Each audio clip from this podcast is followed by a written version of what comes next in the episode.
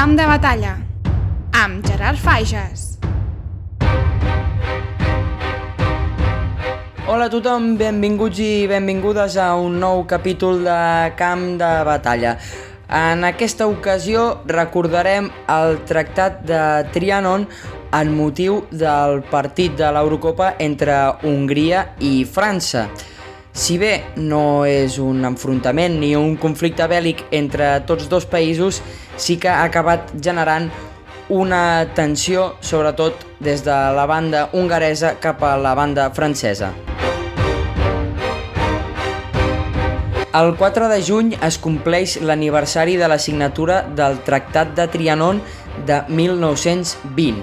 Aquest tractat es va segellar en finalitzar la Primera Guerra Mundial entre Hongria i els països aliats i rivals d'Hongria, és a dir, França, Itàlia i el Regne Unit.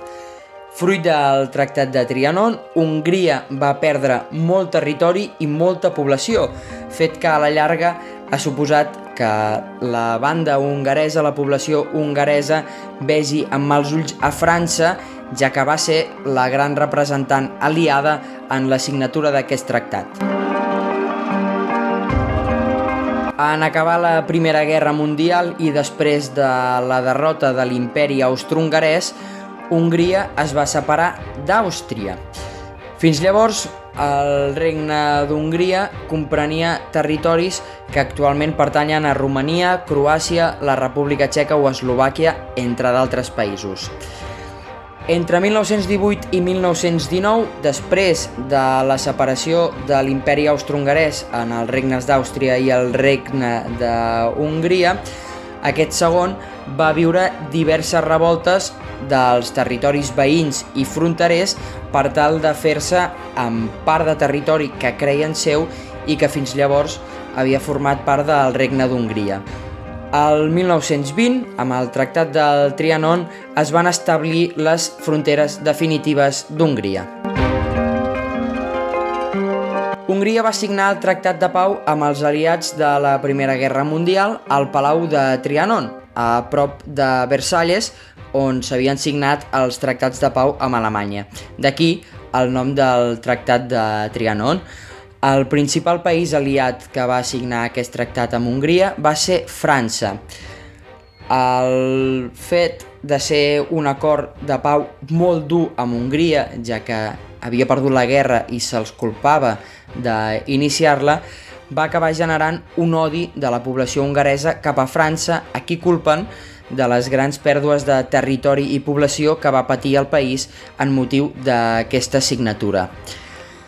Amb les noves fronteres hongareses sorgides del Tractat de Trianon, es calcula que Hongria va perdre gairebé la meitat de la població i dos terços del territori que comprenien abans que esclatés la Primera Guerra Mundial.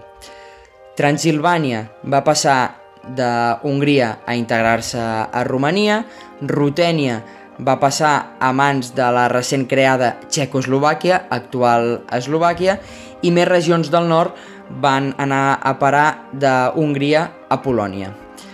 A més, Hongria també va perdre la seva connexió amb el mar després que Croàcia s'integrés al regne de Sèrbia, que més tard va esdevenir Iugoslàvia, i va perdre un port tan important com el de Rijeka, que en primer moment va passar a mans italianes i més tard també es va integrar a Croàcia.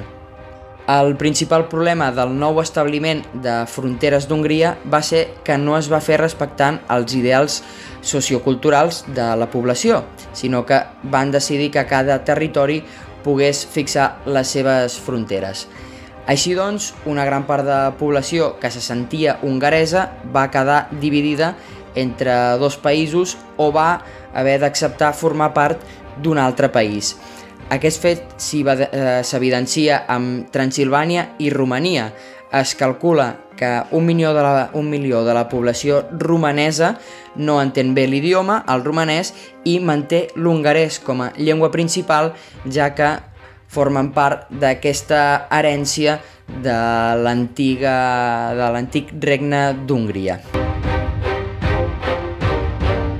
Com ha passat als països dels Balcans com Kosovo i Albània després de les seves guerres d'independència, la nova divisió de fronteres va acabar generant un nacionalisme i una exaltació de l'antic regne d'Hongria, també conegut actualment com a Gran Hongria, que és molt fort actualment. Hi ha un nacionalisme molt fort i molt arrelat que recorda aquesta gran Hongria i promou la unió dels territoris de parla i sentiment hongarès per tal de recuperar aquest territori que comprenia Hongria abans de la Primera Guerra Mundial.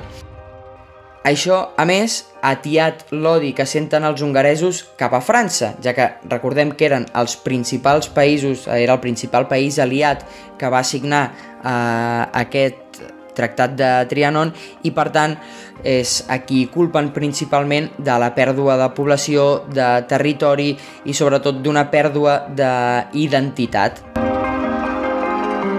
El 4 de juny, doncs, es commemora la signatura del Tractat de Trianon, que per Hongria, per més que suposés un trauma, també és un record que tenen molt present. En aquest sentit, Hongria fa una cosa tan catalana com és allò de celebrar una derrota.